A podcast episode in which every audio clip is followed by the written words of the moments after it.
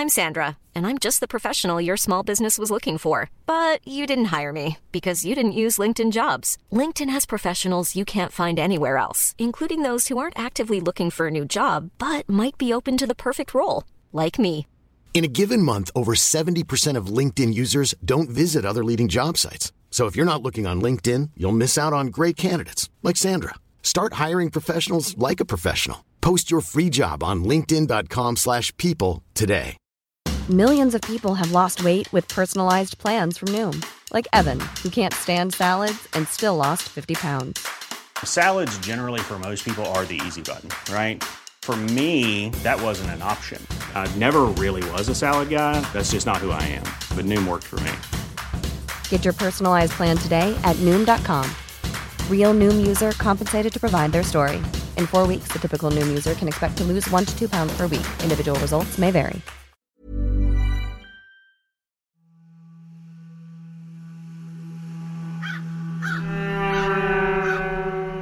My name's DJ MacLennan. I'm a writer and a futurist thinker, and I'm also a carer. اسمي دي جي ماكلينن أنا كاتب ومفكر مهتم بتنبؤ المستقبل. عايش على جزيرة سكاي باسكتلندا آه، جنب البحر مباشرة.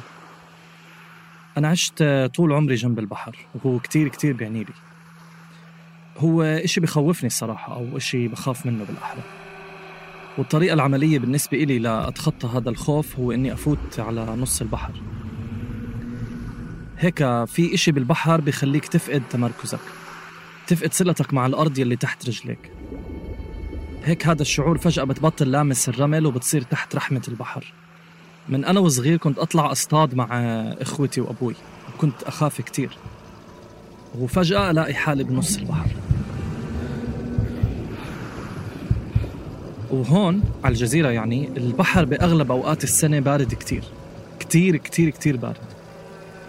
غالبا بتكون درجة حرارته سالب عشرة.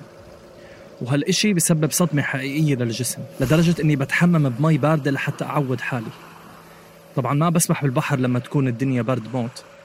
بس أكثر من مرة سبحت بالخريف والربيع وكان جد كتير بارد.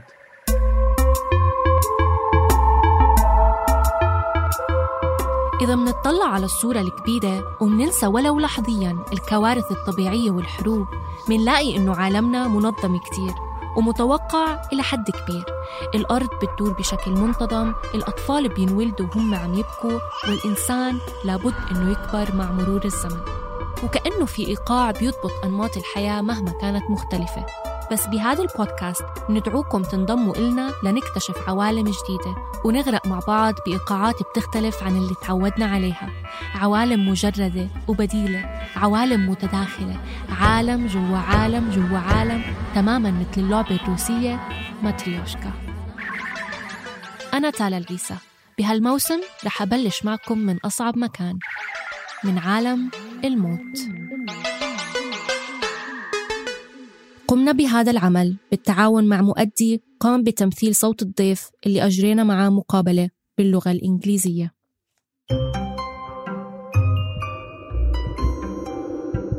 مثل خوفه من البحر كان ديجي وهو صغير يخاف من الأشباح والحروب النووية والأمراض المزمنة. كل خوف كان يولد خوف جديد. كان ديجي أربع سنين لما سأل أمه إذا كانت رح تموت. كانوا قاعدين بالسيارة. وكان في ضجة وأولاد كتير عم بيلعبوا وبنطوا بالمقعد الخلفي. فقالت له أمه وهي عم تضحك أكيد رح أموت بس لسه بعد وقت طويل الكل بيموت.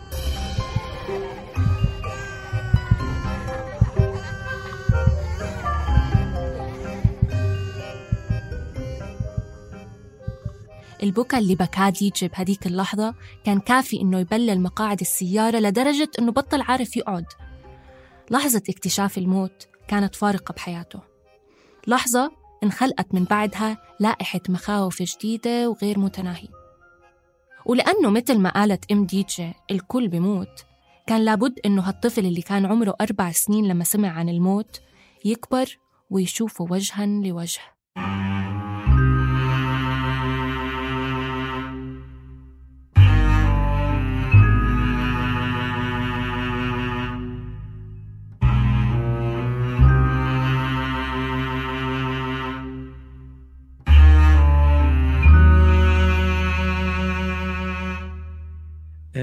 من أنا وصغير كانت تحاول تخليني أتفادى أني أحضر الجنازات. لأنها كانت بتعرف قد إيه كنت أنزعج جد. أنا تربيت بعيلة شبه متدينة.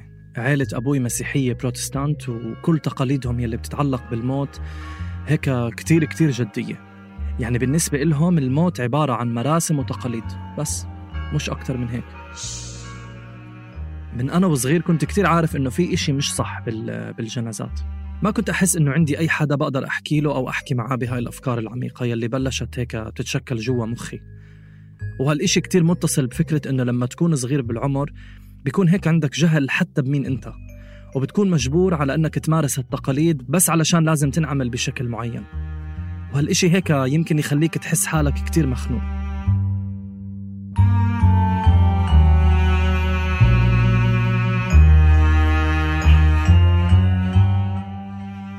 دي جي ما كانش يحب يحضر الجنازات مو بس عشانهم بيذكروه بالموت ولكن كمان علشان كان يشعر بغضب واستياء من تعامل الناس مع الموت. إحنا عم نحط الأجساد بالأرض عم نهدرها لهاي الأجساد. يعني ليش لحد هلأ عم ندفن الأجساد بالأرض ما بعرف. ليش عم نحرقهم مثلا؟ يعني إحنا إحنا آه وصلنا هيك ل... لمرحلة إنه بنقدر نستخدم فيها أعضاء الجسد بأفضل الطرق. بنستأصل الأعضاء وبنستخدمها بعمليات طبية لنعطي ناس فرصة تانية للحياة. ففكرة إنه ليش لسه عم ندمر بقية الجسد ما بفهمها. ليه عم ندمر الأدمغة؟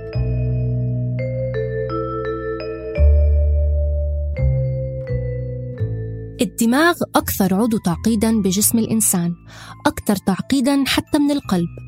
عبر التاريخ اعتبر القلب مسكن الروح وكيان الشخص. نقدر نقول على الأقل من أيام مصر القديمة يعني قبل شي 5000 سنة. بهداك العصر كانوا الفراعنة يستأصلوا جميع أعضاء الجثة خلال عملية التحنيط ما عدا القلب اللي كانوا يتركوه داخل الجسم من كتر أهميته. طب بما أنه فتحنا السيرة وفتحناها بتعرفوا كيف كانوا المصريين القدماء يستأصلوا المخ من الجثة؟ يمكن أحسن ما أحكي. على كل في حلقة كاملة عن التحنيط بإمكان أقوياء القلوب منكم يسمعوها ويعرفوا التفاصيل. المهم ارتباط القلب بالنفس موجود لحد يومنا هاد بيظهر بالأغاني والمسلسلات بالأشعار وحتى بلهجتنا المحكية لما نقول كسر لي قلبي. أو قطعت لي قلبي. بس مقابل كل هذا التعلق بالقلب ما تنسوا إنه الدماغ نال اهتمام الفلاسفة والعلماء. خاصة بعد ما اتضح إنه هالعضو عبارة عن مركز الجهاز العصبي اللي بيتحكم بكتير مجالات من حياتنا كبشر.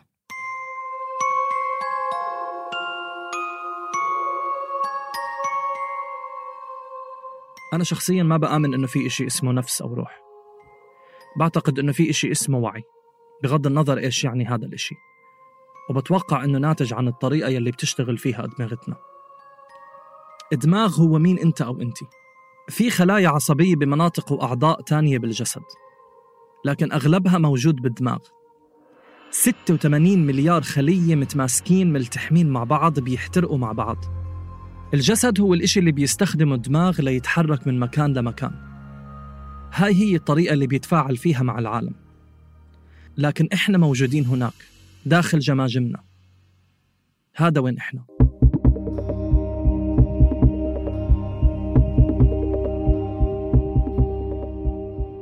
إذا انطلاقا من هذا المنطق جوهرنا يكمن داخل أدمغتنا. بس شو استفدنا لو حافظنا على دماغ يعني ما أبرناه ولا حرقناه إذا بالنهاية ما كان فيه حياة. يعني بالنهاية هو ميت. إنه بدي أخلي دماغ أهلي الميتين تذكار عندي بالبيت؟ هاي كلها أسئلة مهمة.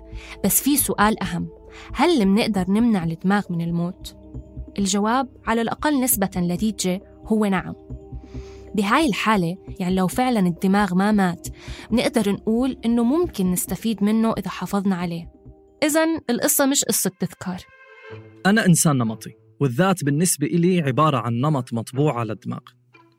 إذا كان بإمكاننا بطريقة معينة إنه نحمي هذا النمط ونحافظ عليه معناته بإمكاننا أنه نحافظ على الشخص كامل.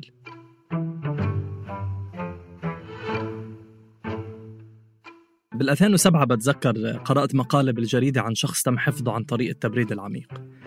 ووقتها حكيت لمرتي إنه هاد تماما يلي بدي يصير فيي بعد ما أموت.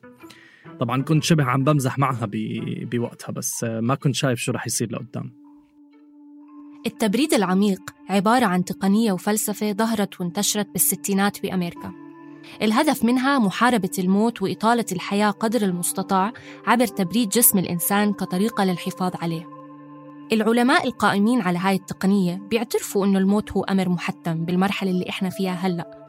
بس بنفس الوقت بيآمنوا إنه ممكن في يوم من الأيام نوصل لحلول نتغلب فيها على الموت المشكلة مش بعدم توفر هاي الحلول. المشكلة الفعلية هي إنه هاي الحلول والاختراعات اللي ممكن تفك شفرة الموت بتاخد سنين طويلة إذا مش عصور. وبالتالي من المستحيل إنه حد عايش بهذا الزمن يقدر يستفيد منها.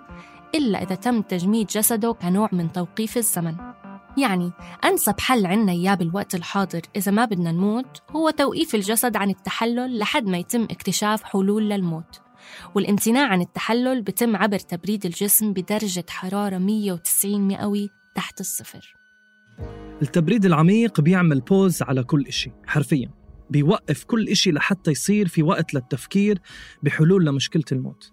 فعليا بصير عندنا كل الوقت الموجود بالعالم أو كل الوقت الموجود بالكون حتى لحتى نلاقي حلول. بالوقت الحالي ما بنقدر نعمل إشي بخصوص الموت لكن ما بنقدر نجزم إنه ما رح نقدر نلاقي حلول للأبد. اليوم يوجد حوالي 350 جثة حول العالم مبردين في أسطوانات ضخمة داخل ثلاث مراكز رئيسية معنية بالتبريد العميق. مركزين بأمريكا بيحتووا على 300 جسم ومركز بروسيا بيحتوي على حوالي 50 أما الأشخاص اللي مسجلين أساميهم مع هالمراكز لحتى يتم تبريدهم بعد ما يموتوا بيوصل عددهم فوق الألف. ودي جي واحد منهم. أنا شخصياً اخترت إني أبرد رأسي بس بدل ما إني أبرد جسمي كامل. جزء من هالقرار بيرجع للتكلفة المادية لأنه حفظ الرأس بكلف تقريبا نص المبلغ المطلوب لحفظ كل الجسد. بس إضافة للتكلفة آه، أنا مؤمن إنه ذاتي موجودة بدماغي وعشان هيك الدماغ أهم جزء بجسدي. بالوقت الحالي تبريد الرأس بكلف تقريبا 80 ألف دولار أمريكي. هذا طبعا إضافة لتكاليف العضوية اللي لازم تندفع للمركز اللي أنا مسجل فيه. وبتخيل هي تقريبا 500 دولار بالسنة. ممكن في ناس بفكروا إنه هالمبلغ يكون كبير وهو فعليا مبلغ كبير مش مبلغ بسيط. لكن أغلب الناس بدفعوه عن طريق التأمين. أنا بدفع 50 باوند إنجليزي شهريا. وهالمبلغ بيروح على صندوق تأمين على الحياة. ولما أموت التأمين بيدفع للمركز اللي أنا مسجل فيه. يعني بدل ما شركة التأمين ترجع المصاري لعائلتي مثلا تدفع المبلغ لمركز التبريد.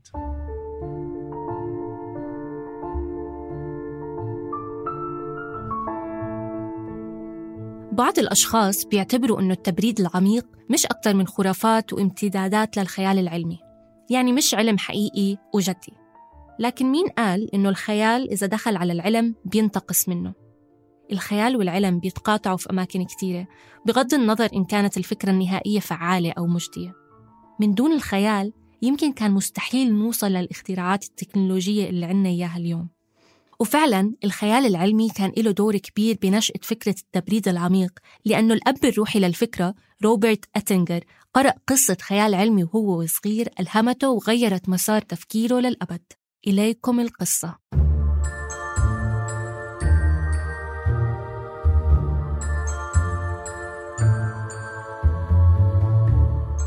كان يا مكان في قديم الزمان عالم اسمه جيمسون بيحاول يلاقي طرق للحفاظ على جسده بعد ما يموت.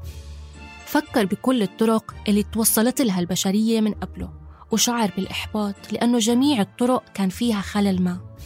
ضل يفكر ويفكر لحد ما اقتنع إنه لازم يخرج عن نطاق الأرض ومنطقها. لأنه مهما كانت المادة اللي ممكن يستخدمها للحفاظ على جسده على الأرض ما رح تكون فعالة لأنه مثلها مثل كل إشي تاني على هذا الكوكب محتم إنها تموت. إذا لابد من الخروج من كوكب الأرض. فقرر جيمسون أنه يقوم بإرسال جسده نحو الفضاء. وفعلا بعد ما مات أرسل جسد جيمسون نحو الفضاء داخل صاروخ أطلقه قريبه بعد ما قرأ توصيات العالم.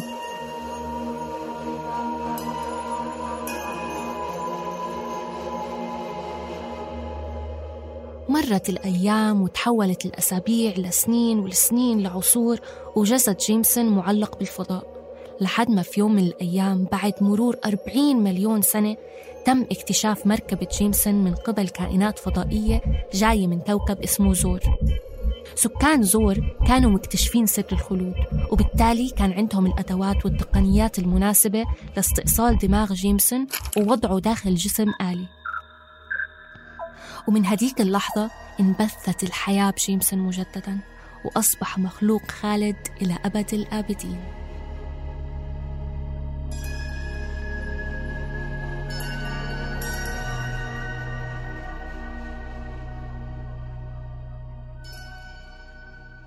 أربعين مليون سنة شو يا ترى كان عم يشعر فيهم جيمسون وهو معلق بالفضاء؟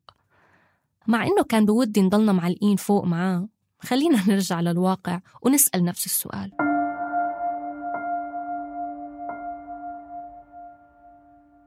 شو برأيكم عم يشعروا ال 350 شخص اللي مفرزين بهاي اللحظة؟ هل ممكن يكونوا زهقوا من الانتظار؟ يمكن حتى يكون خاب أملهم بالعلماء اللي لسه لهلأ ما اكتشفوا إكسير الحياة. أو يمكن يمكن ما عم بيحسوا بشي ويمكن يكونوا بردانين بردانين كتير.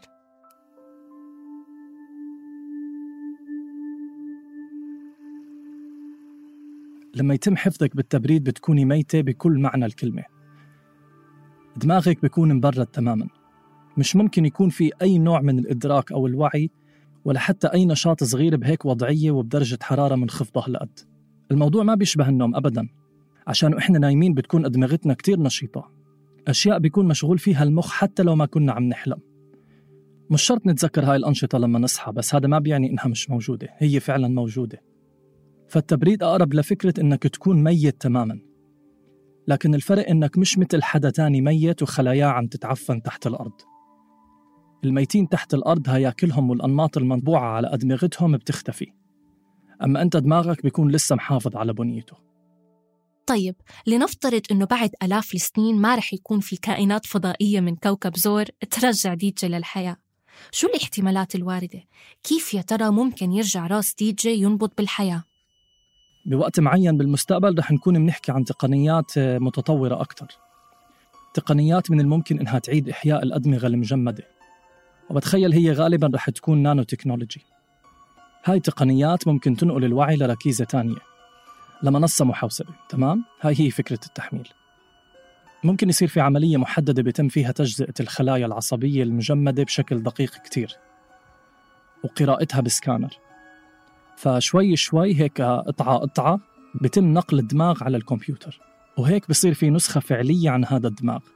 والنسخة هاي هي أنت النسخة الأصلية الطبيعية منك بتكون راحت لكنك بتكون موجود على طبقة أو مادة معمولة من السيليكون.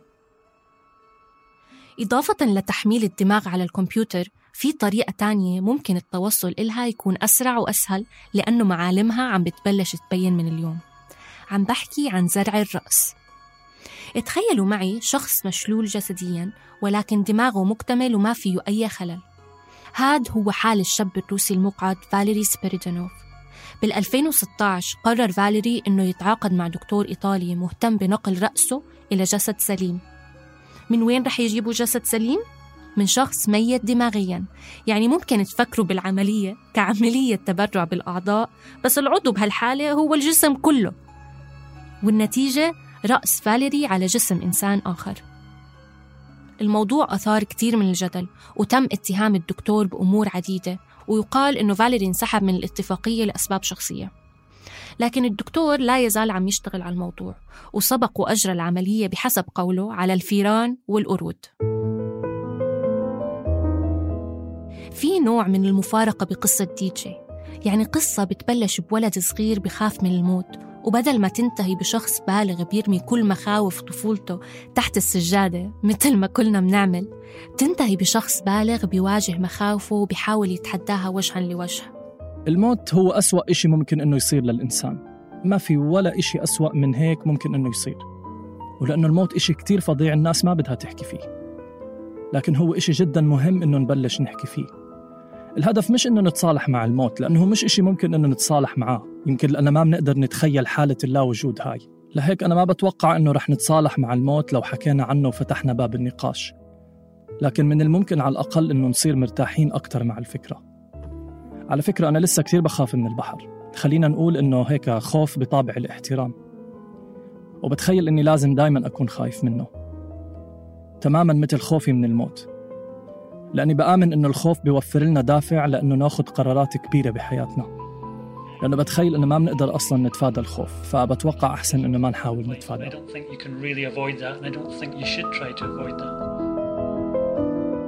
هاي الحلقة من كتابتي إعدادي وتقديمي أنا تالا العيسى. أداء صوتي ومشاركة بالإعداد سليم سلامة.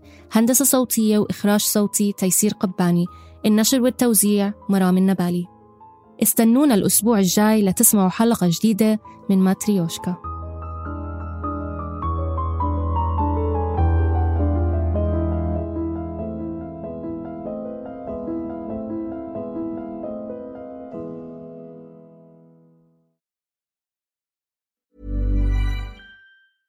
Hey, it's Paige DeSorbo from Giggly Squad. High quality fashion without the price tag. Say hello to Quince. I'm snagging high-end essentials like cozy cashmere sweaters, sleek leather jackets, fine jewelry, and so much more. With Quince being 50 to 80% less than similar brands. And they partner with factories that prioritize safe, ethical, and responsible manufacturing. I love that. Luxury quality within reach. Go to quince.com slash style to get free shipping and 365 day returns on your next order. Quince.com slash style.